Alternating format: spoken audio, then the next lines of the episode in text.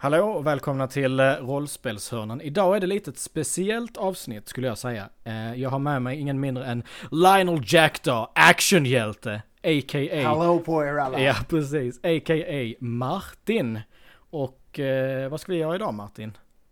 Ja, men vi ska väl prata lite om rollspel just, för det känns som ett angeläget ämne för det vi håller på med. Och det gör ju det. Och vi har ju chattat eh, enormt mycket den senaste tiden sen vi startade podden och pratat eh, liksom eh, ljudnörderi, inspelningsmetoder. Vi, vi är ju liksom amatörer fortfarande.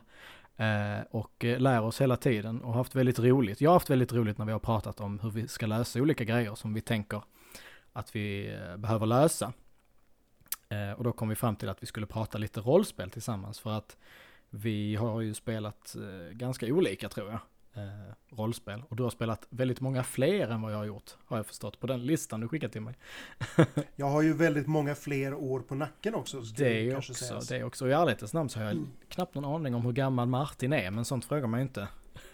Nej, nej jag, är ju, jag, är ju, har ju gått- på något sätt gått in i den där gränsen när man säger ohyggligt gammal. Ja just det, så är det ju. Eh, Men jag närmar mig ju eh, det som faktiskt brukar stå som hastighetsbegränsning på skyltarna. Det vill säga jag närmar mig den stora 5 nollan. Så någonstans djura krita, det är ju det vi pratar egentligen tänker jag.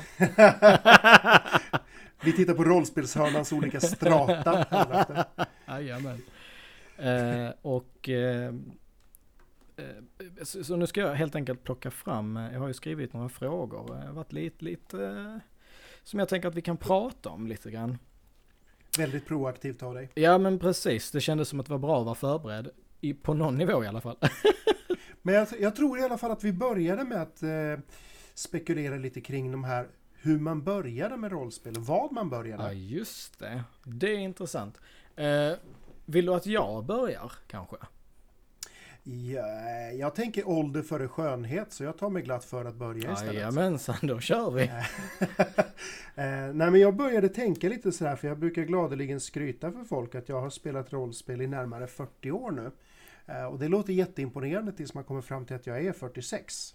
Eh, vilket Ja. innebär att jag började faktiskt någonstans när man var typ 6-7 år gammal. Och det var kanske inte riktigt så fruktansvärt eh, genomtänkt spelande på den tiden.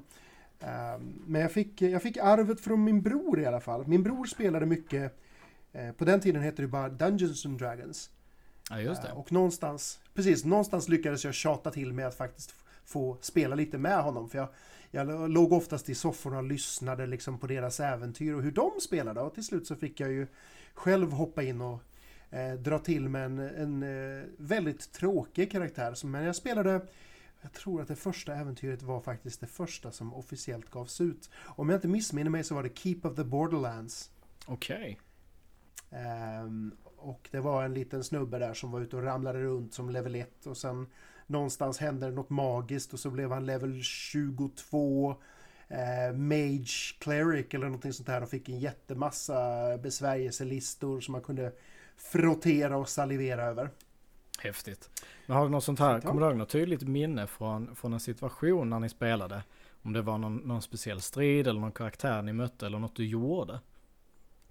Ja, det var väl egentligen just den här övergången när man hittade någon form av magisk ande som hade förmågan att bevilja en önskan. Och då, då blev det väldigt introspektivt för en nybliven sjuåring i princip att säga men vad vill du med livet? Och det var ju bara så här Jag vill ha makt! Jag vill ha trollformler! Eh, Klassisk sjuåring Ja, tänker men- jag. Ja, precis. Och Så det är väl jätteintressant att se om jag har ändrats någonstans där till nu då 40 år senare. Ja just det. Och det har jag nog inte. Nej precis. Och jag...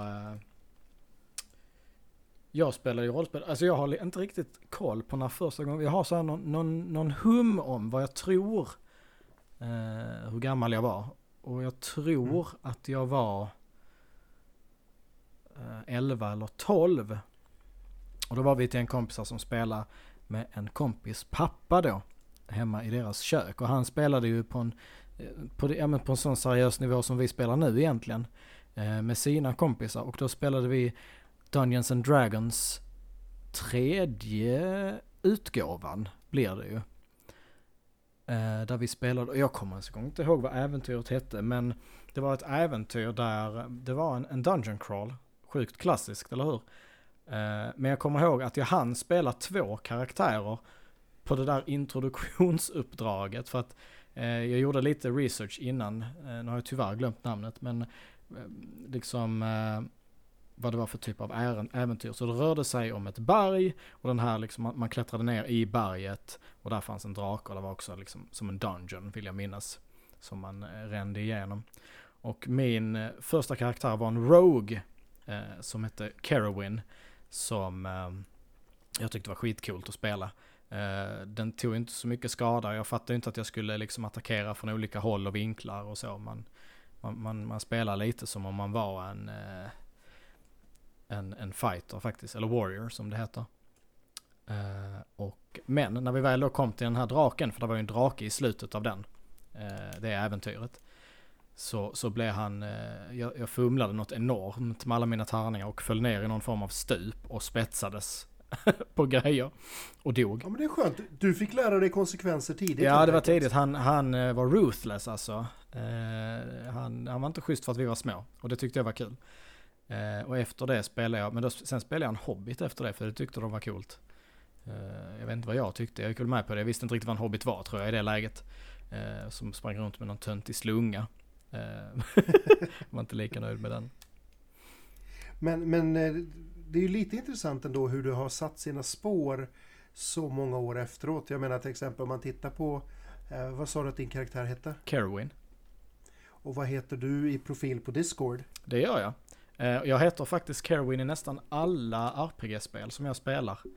Eh, liksom om det är PC-spel och så. så den, men det roliga med den är att stavningen i boken, för jag skaffade eh, tredje utgåvan böckerna av nostalgiskäl när jag hittade dem på, på Tradera för en tid sedan. Och Carowin stavas eh, inte alls som jag ska stavar det. så att jag har haft en felstavning alla år också. Nej, du har haft en personlig utgåva. Precis, det kan man säga. ja, vad häftigt. Ja, det är ju sådär, det sätter ju enorma spår. Och det får ju också en att fundera lite på om det är personen som dras till spelet eller om det är omständigheterna eller vad det är som gör att vi egentligen plockar upp Ja men precis. Som barn var jag ju väldigt nördig. Alltså vi, vi höll ju alltid på med eh, kollade på Sagan om ringen och vi eh, kollade på Star Wars-filmerna och vi spelade figurspel som Warhammer och Mordheim och sådana grejer. Så vi var ju liksom redan nördifierade i tidig, tidig ålder. Jag hade själv sidbena, plastglasögon och eh, ofta en orange V-ringad plyschtröja. Så jag förstår inte alls vad du pratar om. Jag var ju man, manlig man redan då liksom. Ja men precis. Precis. Men det är lite roligt, för det är ju en stigmatisering ibland av rollspel som skedde någonstans under 90-talet och sådär. Att man var fruktansvärt nördig om man höll på med rollspel. Ja, att man var någon form av outsider också. Eh, tillhörde ju det där, eh, den där generaliseringen. Och när man tittar på till exempel som det här med critical role och sånt idag som har blivit väldigt stort på YouTube. Eh, så har de ju haft massa gäster som är kända skådespelare idag. Eh, som började liksom sin, innan de kom på att de ville vara skådisar, eh, spela rollspel. Och det liksom förde dem in på eh, eh, skådislivet, eller skådisyrket. Det... Jag tycker det är jätteroligt för rollspel dyker ju upp i alla möjliga eh, olika yrkesroller och behandlingstekniker och pedagogiker. Du har ju det i skolan, du har det hos psykologen, du har det på jobben. Eh, krishantering och allting sånt där. Så att det är ju ett väldigt vitalt verktyg för att släppa loss fantasi och kreativitet. Ja men precis. Och min, min personliga touch eh, på att vara SL eller att spela. Jag brukar ju alltid vilja att man ska lära sig någonting. Jag gillar lärdomar. Aha, eh, vad spännande. I rollspel. Vad skulle du säga att din personliga touch är till för? Min personliga touch i rollspel är att jag vill att spelarna ska ha en, en fantastisk upplevelse. Och att de ska bära med sig en historia av spelet. Och att när man då träffar någon som har spelat till exempel Call of Cthulhu eller vilket annat eh, rollspel som helst, att eh, när rollspelarna möts att de kan berätta, ja men jag var i en situation där det och det hände och min karaktär reagerar så här och då gjorde jag så här. Och då kan de berätta om sina upplevelser de har haft. Och, och även få uppleva en, en, ett äventyr som de aldrig kan uppleva i verkligheten. Eh, så det är min personliga touch med rollspel och spelledande. Det är ju faktiskt roligt att få ta del av den världen och det, jag, jag reflekterade över det häromdagen. Det var folk satt och spelade på nätet någon form av konsolspel och ville att ja men kan vi inte göra det här? Och det känns på något sätt så begränsat att spela den typen av spel som är, ja men det är bara, du kan bara göra de här sakerna. Mm. Men rollspel, det är en helt öppen värld. Precis, och där är det ju bara fantasin som sätter gränser. Mm. Eh, I rollspelets värld. Absolut, så är det ju fullkomligt sant. Eh, och det, det, nog, det, det, måste nog vara det jag fastnar för tror jag. Alltså när jag var liten och barn, vi, vi lekte ju, alltså man lekte ju att man var eh, de här Luke Skywalker och Frodo från Sagan om ringen och Aragorn och allt detta ju. Eh, så jag menar det har egentligen alltid, alltid hängt med. På något vis. Det är också en rätt intressant reflektion hur man ofta i alla fall som yngre eller som nybörjare så imiterar man ofta en förebild av någon sort. En karaktär från en film, från bok eller från ett spel eller whatever. Eh, så gör man sin tolkning på det. Eh, men jag tror att genom åren som man spelar så på något sätt kommer man så småningom fram till att man är sugen på att skapa en egen unik karaktär och utveckla det. Ja men jag håller med. Eh, det ligger väldigt mycket i det du säger. Det tycker jag. För att när jag börjar, fast när jag började spela igen eh, rollspel och det var ju, då var jag nog runt 23 kanske. Eh, Hur gammal är du nu förresten? Nu är jag 28. Jag beklagar. Så att jag kom, jag har inte spelat egentligen så länge totalt sett. Mm. Eh, och eh, när jag kom tillbaka till det så var det så att så någon gång spel, så kom man på så här, ja men nu vill jag prova vara någon annan typ av karaktär. Jag har varit actionhjälte när jag var liten. Eh, och jag har varit läkare som räddade världen. Och jag har, alltså, man har varit de här klassiska, ja, vad ska man säga, stereotyperna, klassiska yrkena. Då tänkte man så här, men jag ska minsann vara, och då spelade vi Coriolis, och då tänkte jag, jag ska vara en skeppskock. Jag ska stå i köket och laga mat. Jag ska... Ascoolt! Precis, och jag hade också rätt så grymma eh, krigskunskaper för att jag hade varit med i militären innan. Eh, men liksom lämnat den, det livet och blivit kock. Och det var ju något helt annat att spela. Så du tänker mer Steven Seagal i Under Siege? ja men precis. Ja, nej, det, det, är spännande. Och det är också kul hur mycket, alltså enorma mängder av material har ju gjorts. Någonstans kommer man ju förmodligen komma fram till en lösning jag menar, tittar man på Lionel Jack då så finns det ju säkert gott om karaktärer som honom i olika material. Oh ja. Um, men det får man väl bara låta sig inspireras av och ha en egen liten twist. Precis, och jag ser alltid framför mig eh, han eh, skådisen i eh, Inglourious Bastards. Eh, vad heter han nu som spelar... Eh, du vet den där scenen när han ska prata på ett språk som han inte kan. nej, det här, det här vet jag inte. nej, du vet inte. Ja, ja, nej, jag, skitsamma. Men vad heter han? Jo, det är Brad Pitt ju. Brad Pitt är det som spelar den. Hur som helst. Och då, han är exakt som Lionel Jack då. Så jag kan ju rekommendera att du ser filmen. Så kommer jag skriver du... Upp, jag skriver upp det direkt. Ja, men gör det. Du, du kommer ju garva något enormt. Så jag ser alltid den framför mig. Eh, men nu har vi ändå pratat lite historia. Eh, hur vi kom in på rollspel på våra olika bananskal. Men eh, jag är ju en sucker för, eh, för, jag är ju väldigt praktiskt lagd som person. Eh, och det var kanske därför jag fastnade för att spelleda. Eh, och eh, man har ju köpt på sig en hel del system eh, nu på de här åren. olika spelsystem för att se liksom vad det finns, vad som passar en bäst egentligen. oh ja. Och är det så, har du något så här favoritspelsystem som du föredrar? Det är en rätt svår fråga.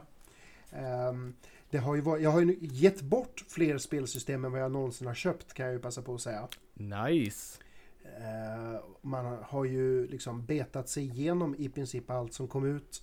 Så det som fanns då på den tiden när det började var ju Dungeons and Dragons blev Advanced Dungeons and Dragons blev Traveller, RuneQuest och så, sen kom ju de svenska med MUTANT och Chock och allt sånt där. Eh, och successivt har man väl pejlat in vad man gillar och inte. Eh, och sen så ändras ju det med, med liksom nysläpp, vad man, vad man är sugen på och vad man gillar. Eh, jag har väl haft en...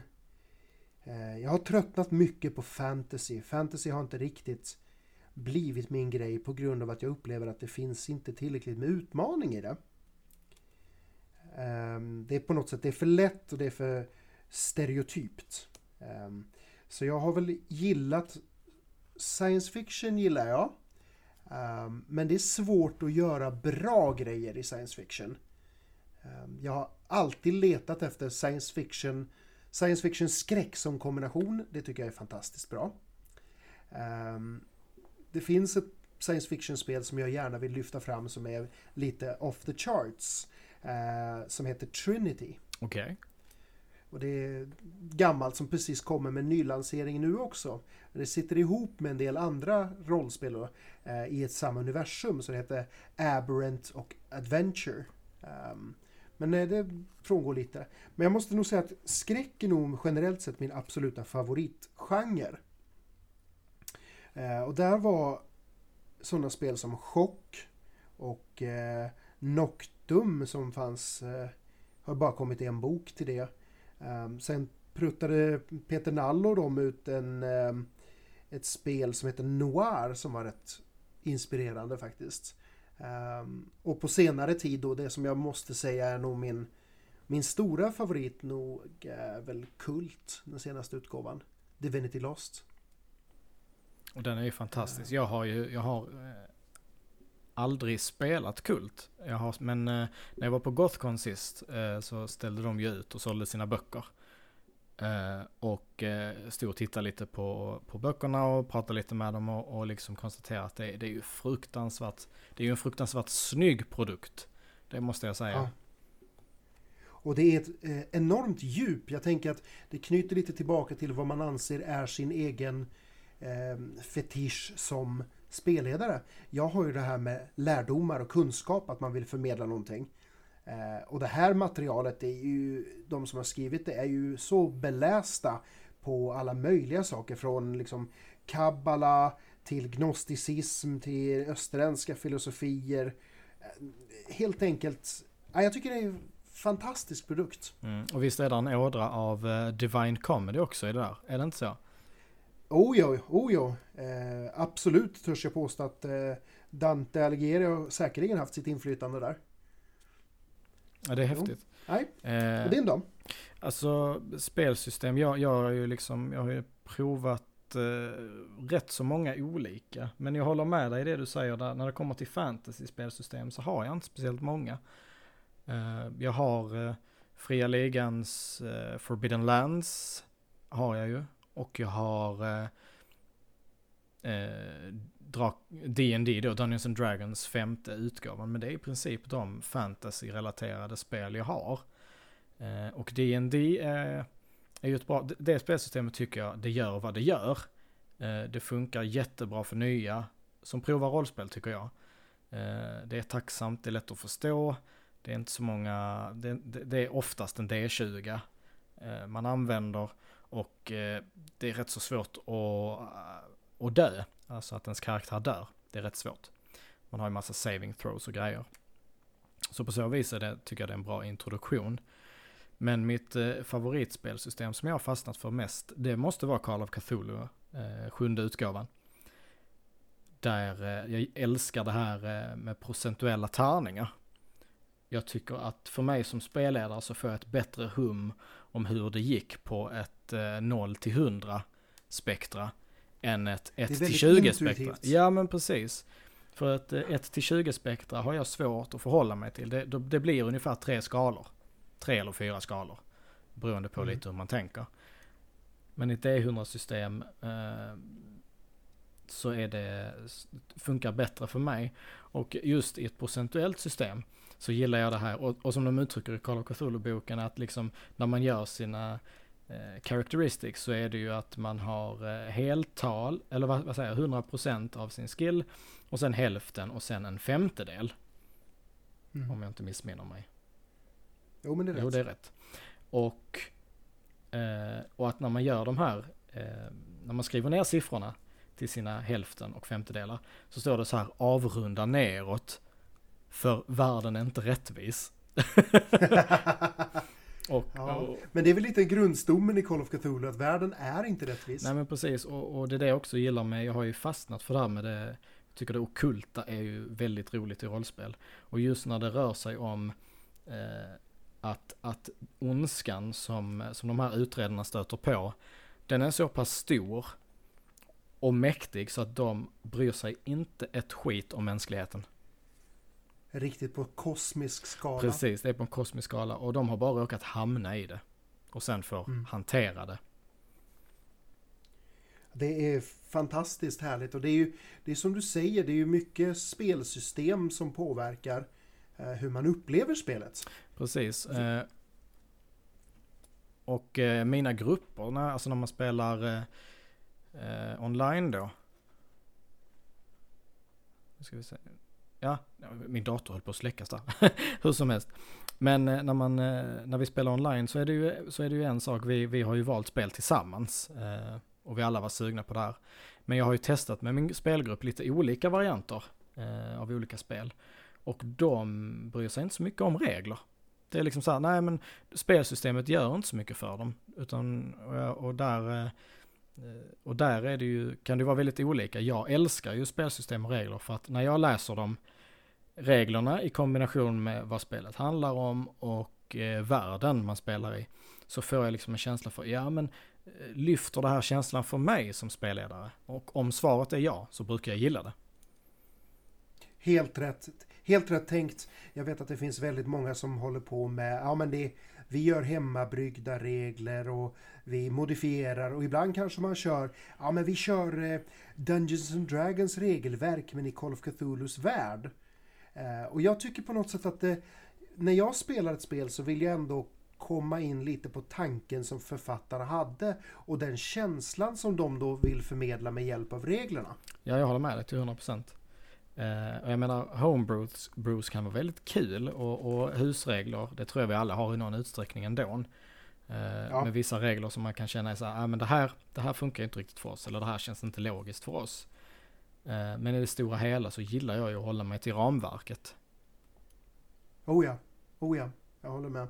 Eh, och det är, sen, framförallt blir det ju väldigt intressant med de spelen som har många utgåvor.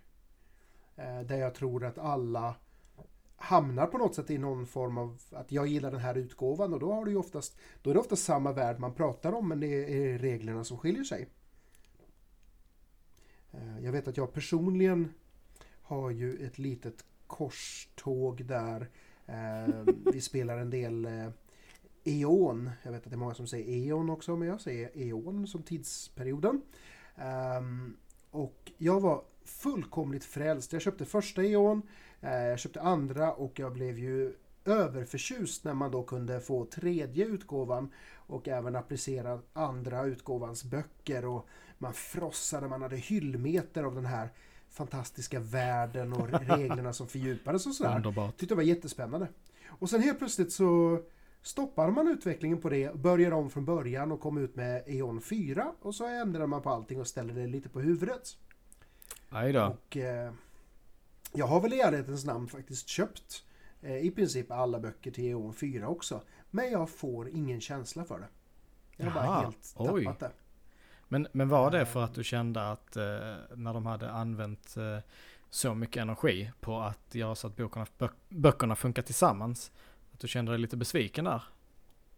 Ja men det, på något sätt är det det här att det finns en trend i dagens rollspelssamhälle att man vill väldigt gärna kasta ur sig nya produkter. Och när jag säger nya produkter, då är det nya spel. Snarare än att man fördjupar det existerande, vilket jag tycker skulle ha ett mervärde. istället handlar det om att ja men nu har jag gjort ett, ett rollspel här om när du spelar, du är ett rostat bröd. Um, som ska liksom ta dig ur köket på något sätt. Nej, men det kunde varit ett inslag, det kunde lika gärna varit ett äventyr i ett existerande spelsystem ofta. Um, någonstans så fördjupa det som finns. Men jag, jag förstår ju att man vill oftast skapa nytt och att det dessutom finns, det där ekonomin finns i själva spelsystemen. För ett äventyr, då är, köper ju bara spelledaren det och sen spelar hela gruppen det. Medan regelböckerna, det behöver alla i gruppen. Ja men precis och, och äventyren det, det är ju ofta, det är ju färre sidor också. Så att det blir ju en, du får inte in samma peng på det heller. Nej precis. Och så finns det en del fubbikar som eh, jag tar väldigt stort avstånd ifrån som tenderar att kopiera material eller eh, alltså piratkopiera helt enkelt. Vilket jag tycker är bedrövligt. Eh, jag håller med dig där och jag, jag blev så glad när jag hittade den här eh, hemsidan Drive Through RPG där man kan köpa pdf-er. Uh, oh, och fantastisk är den. Vad sa du? Ja, den är fullkomligt fantastisk. Ja, det är den. Och där uh, hittar man, där, där hittar jag som det äventyret vi spelar nu i podden, uh, Mansion of Madness. Som, som jag berättade i början att det är ju mitt favoritrollspel och det var ju så jag, eller rollspel, vad säger jag? Favoritbrädspel, Mansion of Madness, som Fantasy Flight har gjort. Fantasy Flight Games. Eh, som också utspelar sig i Cthulhus värld. Eller H.P. Lovecrafts värld blir det ju. Och eh, där, eh, den hittade jag ju tack vare att jag kände till brädspelet och så ja, men satt jag där på Drive Through RPG och så googlade, ja men så skrev jag, så sökte jag på Call of Cthulhu liksom och hittade eh, det här eh, rollspelet och sen hittade jag någon YouTube-kanal där de berättade om vilka äventyr som ingick i den boken och fastnade för den och så, och så kunde jag köpa den, den eh, i pdf liksom och ha med mig i telefonen och slöläsa på en paus på jobbet och liknande. Och det är också så roligt med Call of Cthulhu är ju ett strålande exempel på ett, ett rollspel som verkligen går på djupet med sina produkter och ger en sån bredd i äventyr och supplement och utvecklingar. Um, Sen finns det ju avarter på det också att de har startat om och de har gjort alla de här Achtung Cthulhu, Pulp Cthulhu och allt det där. Ehm, men det på något sätt knyter an. De har aldrig riktigt startat om spelet på samma sätt som, som många andra speltillverkare i dagens läge gör. Precis, och det är ju rätt kul också med, när du nämnde Pulp, Pulp Cthulhu. Att eh, för de eh, rollspelare som är lite mer actionorienterade men vill ha den här kosmiska skräcken också. Så är den ju perfekt eh, för sådana spelgrupper. Ja, Call of Cthulhu har ju blivit lite av ett eget universum.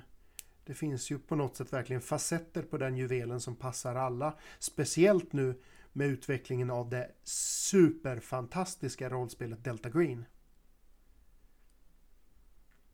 Som är samma, spinner vidare, extrapolerar på H.P. Lovecrafts verk och sätter det i en modern eh, konspiratorisk miljö. Och det är Ja, det, är, det är ett snilledrag av Dennis Detweiler. Ja, verkligen. Där, eh, där hade de tur när de tänkte. ja, verkligen så. Det önskar man att man själv hade ibland. Eller hur? Eh, men liksom när man pratar om spelsystem och sånt också. Nu, nu var det ju, eh, förra året så släpptes det ju eh, sista filmen på Star Wars-sagan. Och den har ju fått mycket uppmärksamhet av, på olika sätt som vi inte behöver gå in på i detalj. Men det fick mig, för, för min del så, så blev jag liksom lite kär i Star Wars igen och jag tittade om på de gamla filmerna. Eh, och eh, sett om hela serien egentligen. Det gjorde jag i julas som allting. Eh, och liksom föll, föll, eh, föll för den eh, franchisen igen och då skaffade jag Star Wars Force and Destiny från Fantasy Flight Games som är ett ett rollspel då som är satt i Star Wars-värld med lite speciell mekanik som eh, det tar lite tid att sätta sig in och fatta det som spelledare för att jag har aldrig varit med om en så tjock och detaljerad grundregelbok som de har gjort. Där de verkligen förklarar vartenda hörn av spelmekaniken. Och även om jag är regelnörd så till och med jag blir lite matt så att man får liksom man får börja med att bestämma sig vad, vad läser jag om idag när jag öppnar min bok. Eh, men där finns det alltså ett, ett eh, special tärningsspelsystem. Så istället för att tärningarna har siffror, D8 och D10 och allt vad det är, så är det olika symboler som betyder olika saker i, eh, i rollspelssammanhanget. Alltså man kan få en tärning som ger en fördel, men den är inte lyckad. Du kan misslyckas helt och hållet med ett slag, inga framgångar, men du kanske får tre bonusar. Och de här bonusarna använder du för att, nej men okej, jag blev nedslagen men jag rullar undan i skydd. Så de hjälper till att ge lite rollspelsidéer. Eh, och när jag gjorde mina efterforskningar på några Facebookgrupper och liknande så menar många på att det är ett bra sätt att få spelgruppen att eh, lära sig rollspela lite mer. Och rulla med konsekvenserna också. Lite. Ja men precis. Uh, så det är ett spelsystem som jag hoppas att vi, vi snart kan spela i podden också. Uh, det har varit fantastiskt. Ja, jag känner inte till det. Star Wars säger du, vad, vad, vad är det för något? Känn, Nej, men, eh, kände trigger, trigger-nivån där var ju enorm kände jag. Spontant. ja, sant. Eh, nej, men jag gillar det här också det, och det verkar också vara en trend i många spel. För jag, vi pratade om Kult innan här och det var ju också sådär att eh, även när du misslyckas så misslyckas du framåt. Det driver handlingen framåt. Eh, ja, och det är många spel också som eh, även en del svenska producenter som använder det här att man utvecklar, att man låter spelarna utveckla idéer om vad som händer även vid misslyckanden. Eh, vilket för dig ifrån att spelledaren sitter och berättar vad som händer och istället låter spelarna ta del i större eh, omfång av att utveckla historien själva. Mm. Och det är någonting jag det gillar. gillar. Uh, mm, jag med. För när man sitter som SL ibland så känner man att uh, liksom när, när, och det har du säkert också varit med om, när gruppen tar en helt annan vändning än vad du trodde.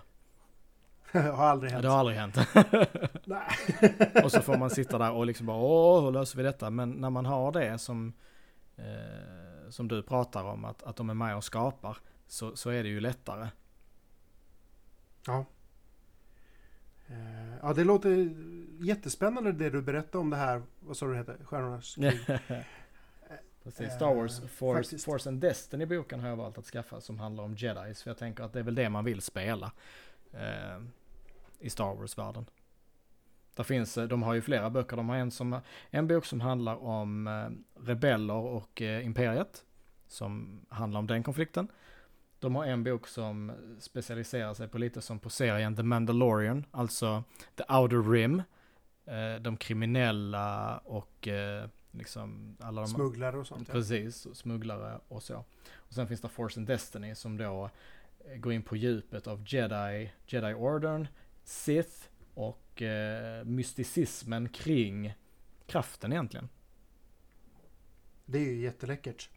Det är verkligen. Um, eh, verk men men eh, om jag då ska utveckla en karaktär i det här så känner ju jag, eh, vi pratade kort om det, att jag är ju väldigt intresserad av att spela en Jawa. Åh, oh, nej. Nej, vi har pratat om det här Martin och eh, en Jawa med lightsaber vill jag inte ha med. Det blir lite lyteskomik. Det är så här mupp, Mupparna av Treasure Island nästan. Ja men precis. Och jag tror jag svarar någonting i stil med, jag hade hellre sett, eh, håll i er nu ni som lyssnar, Jar Jar Binks som jedi. Än att se en Jawa. Vilket, eh, vilket ger mig väldigt bra idéer. Missa like oh. it! Usch ja.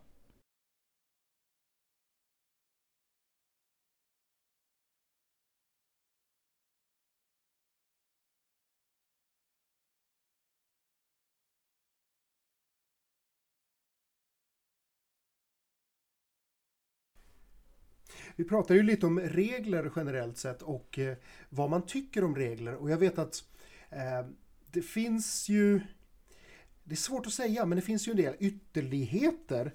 Eh, vissa spel som till exempel då gamla eh, Iron Crown Enterprises gjorde ett spel som heter Rollmaster som genast fick smeknamnet Rulemaster. Eh, det var sjukt mycket regler och detsamma med om man tittar Eon 3. Eh, som också var väldigt känt för att ha en eh, diger samling med, med regler. Och, ehm, och jag personligen har alltid gillat spel med regler. Jag har alltid gillat den utmaningen att spela inom reglerna. Eh, och sen har det då successivt kommit en trend med att man man behöver inte så mycket regler. Eh, det kom ju en hel del storytelling games som var väldigt liksom regelsporadiska. Eh, och det vet jag om att det tog lång tid för mig att acceptera att de hade någon form av existensberättigande. Men det har jag successivt nu på gamla dagar börjat kanske öppna ögonen lite för. Eh, och då har du helt plötsligt Fria Ligan då kommit eh, och sticker mig med tumnageln i ögat med sin variant av spelande som är en rätt ny spännande trend får jag nog säga. Ehm, ja men det tycker jag. Alltså för att eh, när jag bestämde mig för att börja spela det igen, då var det så här att jag, jag hade ingen spelgrupp överhuvudtaget. Utan jag var i sci-fi bokhandeln i Malmö. Och eh, tänkte, jag gick omkring och kollade och det var väl mest brädspel jag var ute efter. Eller något kortspel och så. För det hade jag och min kusin och några kompisar börjat spela igen. Eh, och tagit upp som en hobby. Men så såg jag att eh, nyvariationen av MUTANT år 0 eh, fanns i hyllorna och den var kanske inte så jätteny då. Det, det har jag ingen aning om när det släpptes egentligen. Men så tänkte jag så här, rollspel, ja just det. Det var ju det vi hade så himla roligt med eh, på folkhögskolan när jag spelade igen, då när jag var 23. Och så tänkte jag, mm. ja men om man skulle och så såg jag att det stod på svenska och i regel hade jag ju bara stött på eh, att alla rollspel var på engelska. Och eh, det var ett litet hinder just då eh, att läsa tjocka böcker på engelska. Så tänkte jag, nej men regler på svenska, det är ju lättare att smälta. Ja men eh, jag köper det och ser vad det är för någonting. Och så blev jag helt eh, förälskad och eh, sa till mina kompisar, ja men kan vi inte prova ett sånt här rollspel? Det har ni ju, och det hade de allihopa hört talas om. Och så gjorde ja. vi det och de tyckte det var roligt och det var där jag liksom kände att yes, det här är skitkul. Spelleda är min grej. Vad spännande. Det är jätteroligt ju. Ehm, jag vet att jag har alltid gillat att spela egentligen men man har ju blivit mest spelleda genom, genom tiderna så därför är det väldigt skönt också när vi pratar om podden att man faktiskt får en möjlighet att testa sina vingar på så väldigt många konstiga mm. sätt.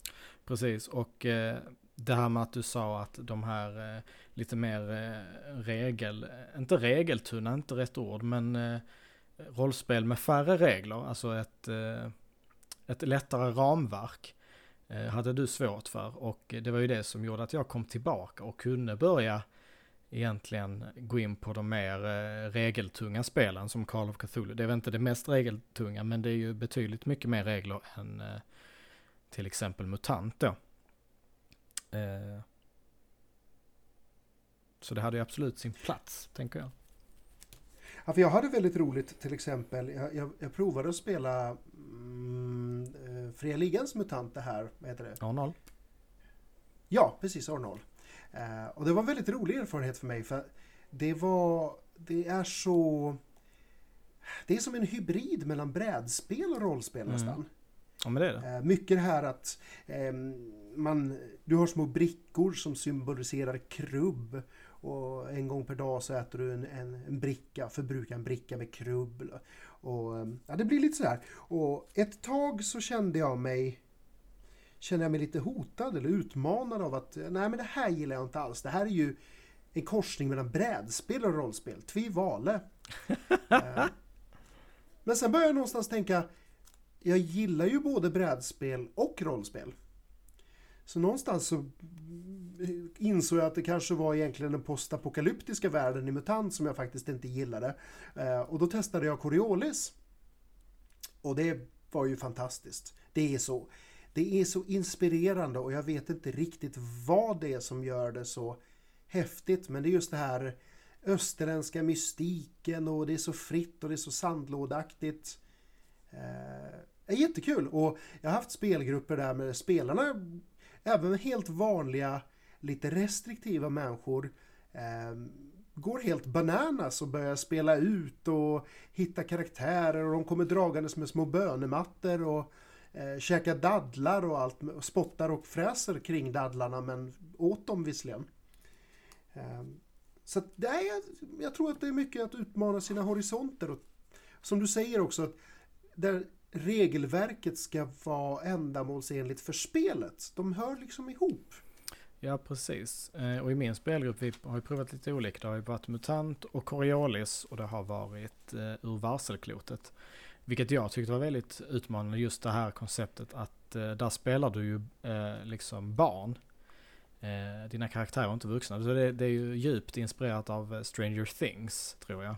Eller lite det konceptet va? Ja, eller St Stephen King-grejer Ja, precis. Nästan. Väldigt mycket Stephen King. Och eh, det här konceptet med att en karaktär inte kan dö. Det var väldigt utmanande som spelledare. Liksom, okej. Okay, en karaktär, för annars är det ju väldigt tacksamt och enkelt. De äventyrar, de eh, reser runt och löser problem, lägger ihop ledtrådar och sen är det någon förfärlig varelse på slutet som försöker ha ihjäl dem. Och antingen så dör de, eller så dödar de monstret och så är det frid och fröjd. Men Urvalseklotet vände ju upp och ner på det. Eftersom att de inte kunde dö. Så hur berättade man då? Och som jag, som jag sa innan, som vill berätta en intressant story. Ja. Ja, det är jättehäftigt. Och det, det återfinner jag också i en hel del spel där eh, en del har ju idén att om du dör men gör det på ett värdigt och bra sätt så får du, så får du liksom effekter som bär med sig som en liten belöning till nästa karaktär. Ja, precis. Eh, och sen vill man ju, de gånger jag har dött när jag har spelledat, eller vad säger jag, spelat, eh, det är sen kväll här. eh, de gångerna jag har spelat rollspel och liksom jag har insett att min karaktär kommer dö. Då vill jag göra det så episkt som möjligt. För då blir Precis. det ju, då är jag ju tillbaka där till storytellingen liksom att då har jag den här historien, ja men min karaktär han offrade sig för gruppen. Jag tror att generellt sett många är väldigt rädda för att låta karaktärer dö. Um, men att det ligger ett stort värde för det är oftast de ögonblicken man minns mest. Precis, och jag vet, eh, men sen tror jag det finns lite olika skolor i det. Jag vet att vissa gillar att spela långa kampanjer och bygga sin karaktär eh, väldigt långsamt och liksom spela mycket i den världen. Eh, ja. Jag vet inte om jag har liksom lite dålig attention span men jag eh, vill helst inte spela ett typ av, alltså spela i en typ av värld för länge. Då blir jag lite uttråkad. Ja, jag har nog bytt själv faktiskt mellan båda skolorna. Jag spelade väldigt mycket i samma världar och samma koncept och, när man var lite yngre. Men på senare tid så har kanske min... Eh, jag vet inte om det är attention span eller om det är bara iver att testa alla de här idéerna som bubblar upp. Man producerar nytt material och man bara åh jag måste prova det här, jag måste prova det här. Um, att det blir lite jo. så. Jo men det tror jag verkligen för att eh, jag tror det handlar om ivern för att eh, jag pratade med, med några på jobbet om det här med att eh, i dagens samhälle så är det ju, det är ju lite uppstressat upplever jag det i alla fall. Man ska hinna med så mycket och det är så mycket man ska göra och man ska träna och det ena med det andra. Eh, men i rollspel så känner jag där är det inte för att jag har dålig attention span. För jag kan ändå tycka att jag har fått dålig attention span. Eh, att jag så här, när man sitter och spelar ett spel så vill man, om det är en lång dialog så känner man att åh jag orkar inte och så börjar man pilla med telefonen. Och det är ju inget bra. Uh, och det är något man, jag, jag jobbar med i alla fall, att, att inte hålla på så och verkligen kunna sitta med ett spel. Uh, Förlåt, vad sa du? Nej, jag Precis. Men, men i rollspel, där känner jag verkligen att det är att nu vill jag utforska, wow vad häftigt, här finns en annan värld. Det, oh, då kan jag vara den här karaktären och så börjar man sätta upp en karaktär eller så tänker man, oh då skulle jag kunna skriva det här äventyret. Så kan man spendera en hel kväll till att skriva ett äventyr eh, Eh, som man kanske ens aldrig använder. Men det, det, det är strunt samma tycker jag, för att man har så himla roligt och då sitter man ju verkligen helt fokuserad på ett projekt. Och det är jättekul och det, det är någonting som jag har försökt få många av mina spelare intresserade av. För jag, jag har alltid varit så att jag vill åka in i den här magin, jag vill uppleva den. Det räcker inte med spelmötena för mig utan jag vill gärna mellan spelmötena fördjupa mig i karaktären, fördjupa mig i tankarna runt världen och kosmologin och allt det här. Eh, för jag upplever ju att jag fortfarande spelar då. Wow, och, eh, intressant. Ja, men det känns... Och många nu känner, eller upplever jag då att de kanske spelar och sen lämnar de det. Ja, men då ses vi om två veckor igen, jättekul. Och sen ger de inte en tanke till det. Och, och, which is fine med mig, men jag känner att de kanske missar någonting. De missar någonting som skulle vara värdefullt och roligt för dem att ta del av. Det var jättehäftigt. Det ska jag verkligen tänka på. Du gav mig en ny vinkel där. Uh... Jag tänker att det för oss lite till, vi ska ju ha framtida snack när vi pratar om karaktärer och spelande av rollspel. Mm, ja, precis. Uh, Men eh, jag tänkte att vi skulle egentligen sikta på att avrunda med ett koncept och det är ju det här någonting som är nytt för både dig och mig. Eh, och det är ju poddande. Ja, det är ju nytt. Väldigt nytt. Eh, och hur vi, hur vi egentligen har kommit till att starta en podd. Jag vet inte, jag bara fick ett infall. Eller nej, alltså Ja. inte bara ett infall, utan jag, jag tror jag har ju lyssnat på väldigt många actual play-poddar. Jag har ju lyssnat på Vi spelar rollspel, jag har lyssnat på Svartviken, eh, jag har lyssnat på Robot och jag lys- har lyssnat lite på Red Moon och, och så vidare. Och jag har, eh, och det började jag egentligen göra när jag hade tvättdagar på lördagar, när man passar på att gå ner i tvättstugan Eh, och man kan ju inte göra så mycket när man tvättar. Man har ju liksom, ja men man väntar två timmar, sen går man ner. Hänger och så går man upp och så laddar man, eller så laddar man en ny och så går man upp och så väntar man och så håller man på så. Och där har jag alltid lyssnat på rollspelspoddar. Eh, Hmm. som, det blev som någon form av ljudbok liksom. Och att jag hade upptäckt rollspel igen så blev det så här, wow. Vad spännande. Jag tycker just eh, när man, när man tittar på det här, det finns ju olika eh, ambitionsnivåer. Jag har ju inte haft för tanke att någonsin spela in en podd utan eh, det, äran för det projektet får ju helt och hållet gå på dig, det må- måste jag ju säga. Men nu när vi har börjat eh, så har man ju börjat med alla de här eh, ljudproblemen, hur man löser dem, skaffa mickar, hur man synkar allt ljud. De här tekniska detaljerna. Eh, och nu är det ju faktiskt så att det är ju lite av eh, en eh, step, stepping stone för oss i, i rollspelshörnan. Därför att från och med nästa avsnitt, avsnitt 7, då har vi ju faktiskt fått koll på allt det här. Då har vi ju fått bra ljudkvalitet utan hack, synkat ljud och det kommer vara ambiens och ljudeffekter och allt det här. Så att då kan man verkligen säga att det blir lite som en nystart och det har ju varit jättespännande för huvudsakligen dig och mig då som har pratat ihop oss och löst allt det här. Mm. Och det har ju varit jätteroligt. Och jag, jag är ju annars musiker i vanliga fall och har spelat in en del eh, på hobbynivå visserligen hemma, spelat in musik och varit i den svängen och hållit på mycket med, eh, med den världen. Men att spela in podd var ju något helt annat. Man är ju van vid att ha en metronom i bakgrunden så att allting ligger rätt. Ja, men bara den här grejen som att mix, eller så här ehm, lite mixa våra, våra program har ju varit så här okej. Eh, hur gör jag nu så att det känns som att rösten flyter bra? Jag har ju ingen metronom att luta mig på. Så det var en, eh, en liten utmaning faktiskt. Ja, precis. Jag, I min sinnesbild så brukar jag oftast tänka på vädret på nyheterna när de läser upp det. Så jag brukar ha en meteorolog att luta mig på. Precis. Men jag tänker, eh, de sista minuterna här så tänker jag att vi, vi har ju en liten idé här om ett eh, litet projekt vi ska prova. Eh, eftersom du också är spelledare, eller hur? Ja. Och då kom vi fram till att eftersom vi bägge gillar sci-fi och vi bägge gillar, vi är inte riktigt, jag är ju inte riktigt där än med reglerna till Star Wars, men vi var så jädra sugna på sci-fi. Och vi bägge gillar ju Alien-franchisen. Oh Och yeah. du råkar ju ha Fria Ligans Alien-rollspel, eller hur? Oh yeah. Så då är ju tanken att eh, Martin ska köra några avsnitt eh, Alien med oss och där ska jag kliva ur, eh, kliva ner från tronen och låna ut den till Martin. Vilket jag ser fram emot jättemycket, det ska bli sjukt spännande.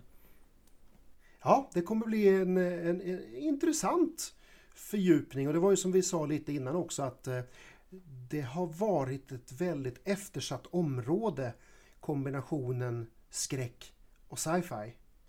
Eh, och vi tror, upplever liksom att eh, det materialet som finns nu här ehm, det ny, nystartade rollspelet Alien, det fanns ju ett gammalt som jag tror kom ut 80, 86 eller någonting vars regelböcker jag faktiskt har. Häftigt. Ehm, Det var ju riktig råtta, eh, rent ut sagt, på franska.